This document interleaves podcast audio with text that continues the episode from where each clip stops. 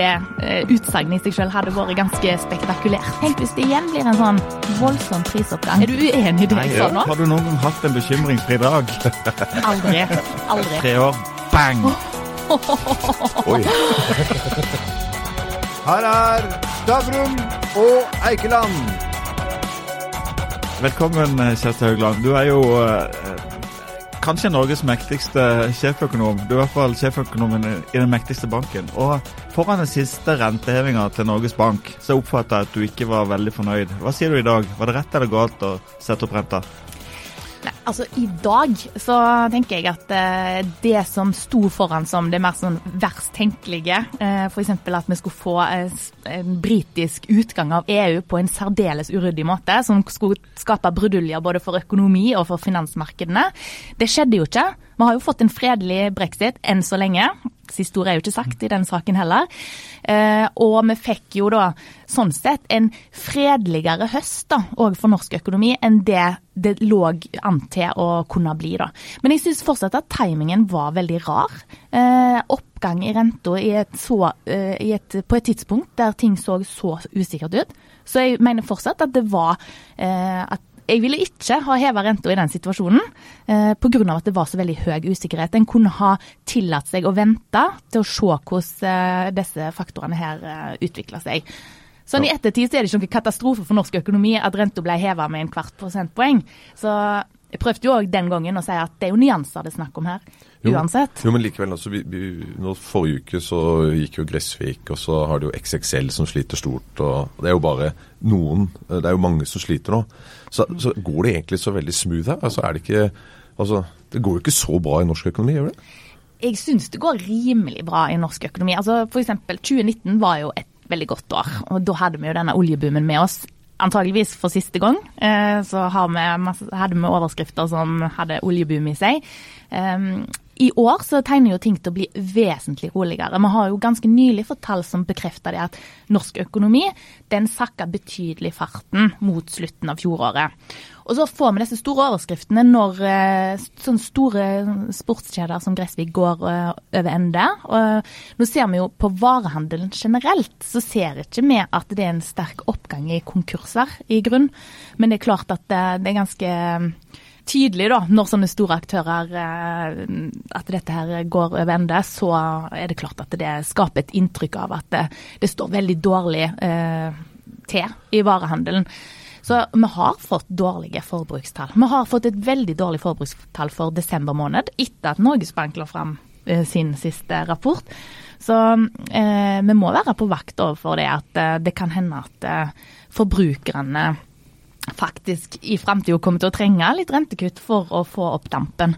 Men enn så lenge så virker det ikke som om eh, norsk økonomi lar seg knekke av det rentenivået vi er oppe på nå. 1,5% på styringsrenta er ikke er ikke all verden det heller, da. Men den skal ned? Altså, Vi tror at den kommer til å bli liggende på dagens nivå i en god stund fremover. Og det handler jo en ting er jo hva jeg syns at renta burde være. Det viktige for våre kunder og for dere som hører på, er antageligvis hva eh, de som setter renta, mener at kommer til å skje med renta, og hva de faktisk kommer til å gjøre. Og jeg tror at eh, Norges Bank er såpass lite lystne på å begynne en ny rentenedgangsrunde med mindre det er åpenbart at det trengs, da, så tror jeg at terskelen for å kutte renta nå, den er av en viss størrelse. Men, men du mener at det, det, trengs? Jeg mener ikke at det trengs et kutt akkurat nå, men jeg, jeg, jeg mener jo det at det, i tida som kommer, så tror jeg at det, det kunne gjort seg med et kutt og to, ja. Men eh, For noen uker siden så hadde vi besøk av Norges råeste sparer, Lise Wermelid Christoffersen, som da sparer en tredjedel av, eh, av lønna si og var på en måte gjeldfri som 30-åring med en egen bolig. Eh, er det sånn at vi er i ferd med å spare oss til fant? Ja, for å si sånn, det er jo egentlig Hvis vi hadde skrudd nå tida tilbake i eh, ti års tid her, og bare så hadde det vært det eh, utsagnet i seg selv hadde vært ganske spektakulært. For er det noe vi nordmenn har vært vant med, eller vært kjent for, så er det å spare altfor lite. Mm. Eh, og særlig da i eh, altså både sånn, mer sånn fond og, og, den slags, og mer sånn langsiktig sparing, men òg å ha likvide reserver. Eh, mens vi derimot har ekstremt høy gjeld i forhold til det verden rundt oss har. Eh, men vi har økt sparingen vår eh, ganske betydelig etter finanskrisa. Eh, og så mm, hadde vi en periode nå med fall i sparinga når det ble veldig dårlige lønnsoppgjør i forbindelse med oljeprisfallet. Og da så vi at nordmenn begynte å spare mindre igjen. Eh, så nå, nå, tenker jeg på summen av oss alle, da. Ikke Super-Lise, eller Det finnes selvfølgelig noen av de òg, men eh, sånn summen av oss alle, da. Vi hadde helt klart økt sparelysten vår fra veldig lave nivåer, men fikk da en liten nedgang igjen i sparinga når vi fikk dårlige tider som traff oss. Da reagerer vi fordi vi ikke ønsker å endra forbruksmønsteret vårt så dramatisk, så valgte vi heller å tære litt på sparinga.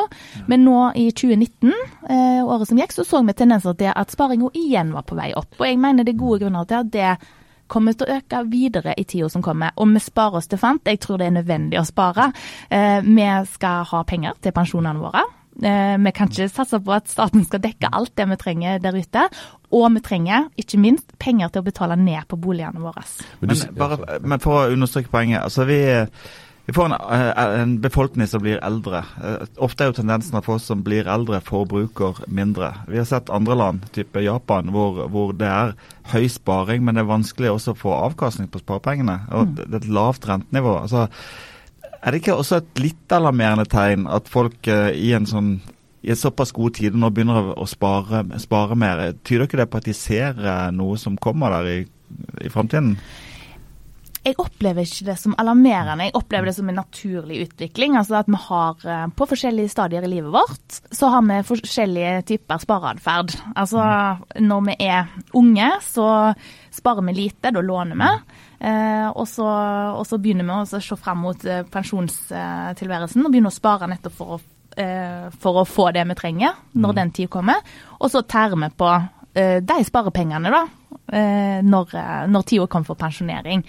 Så at flere og flere av oss nå er i den perioden, altså mm. eldrebølga kommer, med flere og flere i den perioden som sparer. Og det gjelder jo ikke bare i Norge, det gjelder i høyeste grad òg i andre land. Mm. Eh, og det er jo nettopp denne demografiske bølga her som har ført til økt sparing, som er en av driverne til at renta har gått ned over en lang periode, og antageligvis kommer til å holde seg låg i lang tid framover. Ja, da snakker vi mange år. Mange år. Og så spørs det er det alarmerende. Jeg vet ikke. Japan blir ofte dratt fram som en sånn forferdelig trist eksempel. og fryktelig lav økonomisk vekst osv. Men ser man på økonomisk vekst per capita, per mm. befolkning, mm. her er jo befolkningen nedadgående, da, mm. eh, så har jo de hatt en like god utvikling som USA i året som har gått. Så det alt er i øynene altså, på den som ser det. Men vi snakker jo om, om, sparing, men det er jo for de som har en grei jobb og, og privilegerte. Altså, vi har jo aldri hatt så høy forbruksgjeld som vi har nå. Mm. Så det er jo tydelig at det er jo ikke alle som sparer for å si det sånn, så er vi i ferd med å få et virkelig stort klasseskille i Norge? Fortsatt så er det sånn at i Norge, hvis du ser i, i forhold til andre land, så har vi jo ikke det. Men at det, i, som i veldig mange andre land, så er det jo i den retningen det går. Økte forskjeller. Det er det. Men forskjellene i Norge er fortsatt veldig små. Og så, det, så har vi fått noen sånn utslag på forbruksgjelda der. Det gikk litt bananas en periode, rett og slett. Det var voldsomt høy vekst. For Norge som helhet, altså den summen av forbruksgjeld, da, det er ikke det som kommer til å velte norsk økonomi eh, ved et eller annet negativt sjokk. Det er egentlig mer den høye boliggjelda som vi tenker at er den store risikoen. Men for den enkelte eh, her, eh, det er jo ikke rart da at myndighetene greip inn og, og, og forlangte eh, strengere Eh, regler for å da ta opp forbrukslån. For den enkelte så har jo dette her vært lett å ty til da, i den perioden, og kanskje òg i perioder der en hadde trengt da, å, å, få ekstra inn til, til egenkapital på en måte som da ikke myndighetene hadde tenkt seg at det skulle skje. Et, et litt sånn uhøytidelig spørsmål. En sånn analyse for noen år siden eh, om, om makroøkonomer, hvor tittelen var 'The sky is always falling'. Altså Det er alltid en eller annen ting å bekymre seg for. Har du, har du noen gang hatt en bekymringsfri dag? Aldri.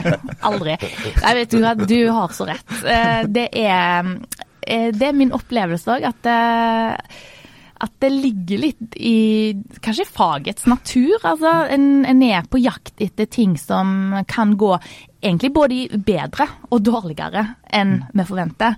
Det, det skal sies det at når, vi får vel en del oppmerksomhet for prognosene vi lager. Uh, og de er viktige, for de sier noe om hva vi mener er den mest sannsynlige utviklingen. Uh, men vel så viktig for oss, og ikke minst for de kundene vi snakker om, så er det jo risikobildet her. Eh, hva er det vi ser helt tydelig på horisonten, der ting kan gå veldig mye annerledes enn det vi tror, og hva vil i så fall konsekvensene være for finansmarkedene. Um, og der, i øyeblikket, må jeg si, og det har vært sånn en god stund nå, så er det jo den nedsiderisikoen som virkelig dominerer. Altså. Fordi hvis vi ser rundt oss, eh, høye finansielle ubalanser verden over, skyhøy gjeld. Uh, vi har uh, veldig strukne markedspriser, aksjemarkedene, kredittmarkedene det er jo mye som tyder på da, at uh, den gangen nedturen kommer Vi tror jo ikke han kommer i løpet av de neste tre åra, men den gangen nedturen kommer, med disse ubalansene på plass, og sentralbanker helt uten ammunisjon, nesten, iallfall mm. uh, altså mer eller mindre, da, mm. så er det jo veldig god grunn til å tro at den nedturen kommer til å bli av det markerte slaget, og ikke en sånn pen og forsiktig en. Ja, dette kaller på to oppfølginger. La oss, ta, la oss ta hovedsporet. Ok, det kommer Om tre år kommer krakket. Hva er det lureste vi gjør eh, nå de neste tre årene for å komme oss helt helskinnet gjennom som individer? Som individer. Jeg tror eh, det beste Spare. er jeg, tror, jeg tror at det, det her i Norge skal jeg bare Altså, med norsk økonomi vil jo merke et Hvis det skulle komme et krakk, da, som de sier. Mm. Det vil jo òg komme inn i norsk økonomi og gjøre økonomien vår òg svakere. Helt klart. Mm. Så skal vi huske det at vi har Altså, det er ikke det at vi skal bruke det som ei sovepute, men vi mm. har altså et oljefond på 10 000 milliarder pluss. Mm. 700 um, til. og, og, med, og, og, med, derfor så det, Vi har jo da muskler i finanspolitikken. Mm. Og vi har til og med litt å gå på i pengepolitikken. Det er ikke mye, da. Men, eh, og Øystein Olsen har jo selv sagt at eh, ved en alvorlig nedtur så vil han heller ha finanspolitikkhjelp enn negative renter eller verdipapirkjøp. da. Så, så, vi står jo ganske godt stilt. Så jeg syns ikke at eh, noen av oss, eller de som sitter og hører på, eh, trenger nå å legge opp en eller endre strategi eller atferd utover det. Det vil komme nedturer med jevne mellomrom i økonomien. Ja, det må vi bare gå ut fra. Nå må vi jo tenke litt stort her. For det, nå var det sånn at det kom til å gå smooth. Tre år, bang! Da, nå må vi ruste oss. Skal vi bygge sånn kjellerstue med hermetikk? Hva skal vi gjøre? Risikobilde. Ja, når jeg sa at det kom til å bli en markert nedtur, så tenkte jeg ikke kjellerstover og hermetikk. Eh, eller jordbruk. Eh, sånn, eh, nei, jeg tenkte, jeg tenkte mer i, i, retning av at vi må, vi må være klar over at denne situasjonen med låg arbeidsledighet og god økonomisk vekst og eh, gode lønnsoppgjør altså, Vi vil få perioder der dette her går i negativ retning igjen. Uh, vi må bare forberede oss på det. Men du sa, men du sa det med bolig. ikke sant? Ja. Det er jo det som bekymrer meg. Så Forbrukergjelda, ok, greit, men boliggjelda, ikke sant. 80 eh, av oss eier vår egen bolig mm. på et eller annet vis. Hva, hva, skjer med den? Altså, altså, Boligprisene må jo falle med et sånt krasj, og da er, jo, da er vi inne i den onde spiralen.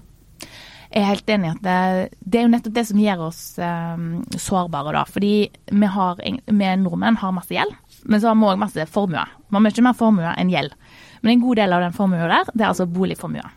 Så hvis et eller annet negativt skjer, det kommer et krakk da, f.eks., eh, så må òg forplante seg inn i boligmarkedet og føre til eh, et betydelig fall i boligprisene så kommer jo det til å få ganske store økonomiske konsekvenser via de ringvirkningene for, for folk flest. For jeg tror eh, veldig mange vil da konsentrere seg om nettopp å kunne betjene boliglånene sine. Det vil være prioritet nummer én for oss, bortsett fra altså, mat og drikke. altså sånn, De nødvend, mest nødvendige tingene. Så kommer vi til å konsentrere oss om, å, om å faktisk betale ned boliglånene våre etter planen. Eh, for, fordi vi ønsker jo ikke å bli kastet ut av boligen vår, for å si det på den måten. Og problemet da blir alle de ringvirkningene som oppstår. Hva med alle de bedriftene der ute som egentlig belager seg på at vi ikke bare skal konsumere det mest nødvendige, eh, men at vi skal kjøpe det lille ekstra. Sant? Vi skal handle litt ekstra klær, vi skal handle litt ekstra elektronikk. Eh, eller vi skal kjøpe tjenester som, som en ikke nødvendigvis trenger. Det er jo alle de som da vil få problemer. Og hvis de får tilstrekkelig med problemer, så kan eh, Nå merker jeg på vei inn i denne her eh, typiske makroøkonompessimisme. Men så kan det altså forplante seg inn i bankene og gi dem problemer. Så alt er ikke bare trist? Nei, okay. Nei, men det, det, er jo ikke bra for et samfunn heller når banker får problemer. Så er det typisk litt vanskelig. Men nå har jo dere en soliditet og egenkapital. så Dere er jo bedre rusta enn uh, noen andre europeiske banker, da? Definitivt. Eh, norske banker er veldig godt rusta. Men, eh, men, jeg bare eh, sier det at det, det er ringvirkningene av ei høy boliggjeld. Den måten vi som forbrukere da oppfører oss hvis det kommer et veldig alvorlig økonomisk sjokk. Det er den egentlig økonomer er mest bekymra for når vi ser på den gjelda. Vi tror egentlig ikke at folk skal misligholde en masse sine eh, boliglån. Men Nå har jeg tenkt å ta deg på alvor, for du sa jo at, eh, at, at, eh, at, når du ser på risiko, altså sannsynligheten for at noe kan gå enten mye verre eller mye bedre enn det vi tror. Mm. Nå har vi vært gjennom alt det som går, kan gå veldig galt. Mm. Nå skal vi ha det litt gøy. Tenk hvis det ikke blir et kakk om tre år. og kronekursen styrker seg. Folk ser om at faktisk olje er en vare som fortsatt selges. Det, det blir bedre. Hva, hva, hva, kan du se som overraskelser på positiv side? Og jeg kan se en del av dem, og ikke minst på det internasjonale bildet. Og mm. det går jo rett inn i norsk økonomi òg. Mm. Um, vi er relativt, i utgangspunktet relativt pessimistiske til hvordan det skal uh, gå med alle disse handelskonfliktene som, uh, som holder på i øyeblikket. Mm. Uh, først og fremst USA-Kina. At det etter hvert kommer til å bryte løs igjen. Men hva hvis de ikke gjør det? Hva hvis USA og Kina kommer til en enighet og bygger ned igjen tollbarrierene sine? At USA bare skrinlegger alle planer om å ramme den eh, europeiske økonomien med økte tollsatser? For det ligger der som en usikkerhet nå. og tynger Toll på champagne? Toll på champagne f.eks., det blir da lagt på is, eller lagt på is, eller bare rett og slett sagt at dette her skal vi ikke gjøre. Det er ikke den retningen vi ønsker å gå. Og akkurat nå så tynger bilindustrien av, eh, av eh, sterke sånn omstillingssmerter, egentlig. Um, og det preger mye av handelspartnerne våre nå. Hva hvis det plutselig blir sånn at uh, de kommer ut på den andre sida mye raskere enn det vi har trodd, mm. og at de kommer med alle disse bilmodellene som forbrukerne faktisk ønsker å kjøpe, og så får vi et voldsomt sånn svung opp i bilsalg og i bilproduksjonen igjen. Mm. Alt det av sånn etterspørselen som tar seg opp globalt, at veksten tar seg opp blant våre viktige handelspartnere, det ville jo vært veldig godt norsk for økonomi. Det ville vært godt nytt for oljeprisen, sant? Eh, som igjen ville nå, nå, begynner vi å snakke litt her. For Hvis, vi, da, hvis vi da legger på at okay, en, vi får en lønnsvekst på kanskje 3-3,5% vi har inflasjon som er drøyt 2, rentenivå på 2,6 Eh, det er jo, eh, og kanskje utlandet ser at det går bedre i Norge enn vi trodde, eh, så kan jo ting faktisk også overraske på positiv side. Ja, Absolutt. Ja, mm. Norsk økonomi kan, uavhengig av de eksterne faktorene som jeg nå, hvis det materialiserer seg, så kan det hende at dynamikken i norsk økonomi òg blir sterkere. Vi kan jo se for oss f.eks.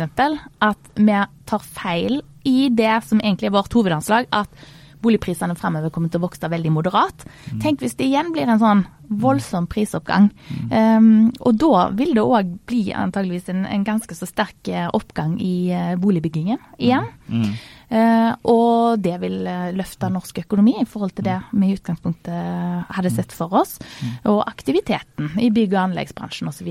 Og boligpris, Det kommer an på hvilke perspektiver du tar. Sammenligner du boligprisene i Oslo med boligprisene i London og andre storbyer, så er jo boligprisene lave i Norge, selv i pressområdet. Ja, og det er alltid vanskelig å gjøre sånne uh, hva, Hvor skal prisene være høyest? I London eller i Oslo? Det, ja, Men Oslo ikke... eller Volda?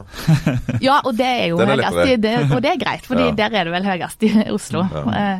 Uh, men, men det, det, er ikke på ingen måte sikkert at vi har lagt bak oss de Altså at vi aldri mer igjen skal få eller nå den nærmeste tida, skal mm. få en ny runde med prisgalopp. Mm. Men vi mener at det er mest sannsynlig at det ikke skjer, fordi at det, de fundamentale drivkreftene i norsk økonomi er mye svakere nå, når når olje, oljeeventyret er på en måte litt i bakspeilet. Det er jo fortsatt der, men, men, det er liksom på vei strukturelt ned. Så tror ikke vi at vi får Men, men apropos det med oljeeventyret på vei ned og sånt. Også, mm altså dere samfunnsøkonomer, dere er jo relativt like.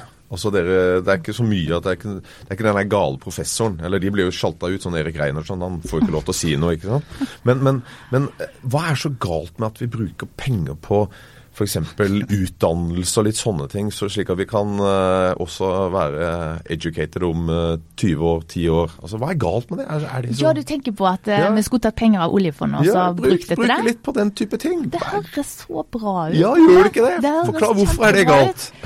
Problemet er det. Det. at vi bruker veldig masse penger på utdanning i Norge. Vi bruker veldig masse penger, og mye mer penger enn en, en land flest, på infrastruktur, f.eks. Og det skulle en ikke tro når en ser den norske debatten.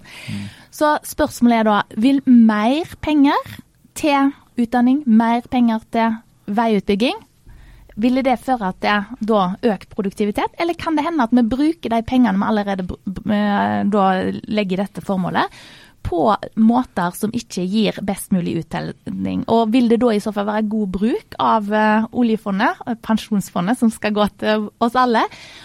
Og pøse mer penger ut i den retningen. Hvis det hadde vært sånn at vi kunne være sikre på at vi gav disse milliardene ut i utdanningssystemet, og så fikk vi tilbake en mye mer kvalifisert arbeidsstyrke. Klart, herlighet. Alle hadde gått, uh, gått i den retningen. da. Ja. Nå er det jo ikke så enkelt, da, dessverre. Er. Tre, sp- tre bonde spørsmål. Er du uenig i det jeg sa nå? Ja, absolutt det siste. For Ja. jeg mener at uh, vi kunne ha pøst på enda mer. Det er en grunn til at ikke du er shaker på noe, Ole. Men eh, Kjersti, tre, tre vonde spørsmål. Spørsmål nummer én. Har du investert i boligmarkedet? Bare sånn som primærbolig? Ja. Men Ja. Du tror at den skal stige i verdi? Du har ikke solgt den, og le du leier ikke? Nei, nei, nei. Punkt to, har du bundet renta di? Nei. Punkt tre, er du for eller mot ferjefri E E39? Oi. For eller mot ferjefri? Jeg tror det at eh, hele det prosjektet der er, eh, er litt vel samfunnsøkonomisk ulønnsomt. Men at det er deler av det prosjektet der som er veldig viktig for næringslivet på Vestlandet. Tross alt, det er mine heiter. Akkurat rundt Haugesund. Ikke gjør noe Så det er greit å bruke penger på, men ikke utdannelse? Hallo? Jeg må bare velge de gode prosjektene.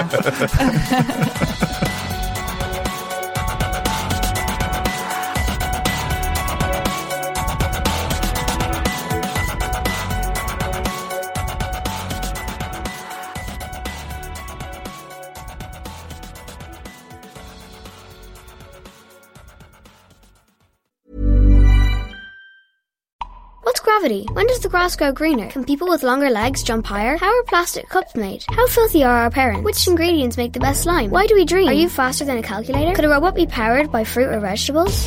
When children ask why, who knows what will happen? ESB Science Blast, delivered by the RDS, empowers students from 3rd to 6th class to discover the wonder of science by investigating simple questions, wherever their classroom is. To find out more, visit esbscienceblast.com. If I learned one thing in the last year, it's that falling into debt can happen to anyone. Luckily, I heard about the ISI, the Insolvency Service of Ireland. Their professional advisors can help you restructure or even write off your debt. The first thing they said to me was every debt problem has a solution. I can still feel the relief. So if you're worried, visit their website backontrack.ie or free text get help to 50015. The ISI. Together, we'll get you back on track. This is an initiative of the Government of Ireland.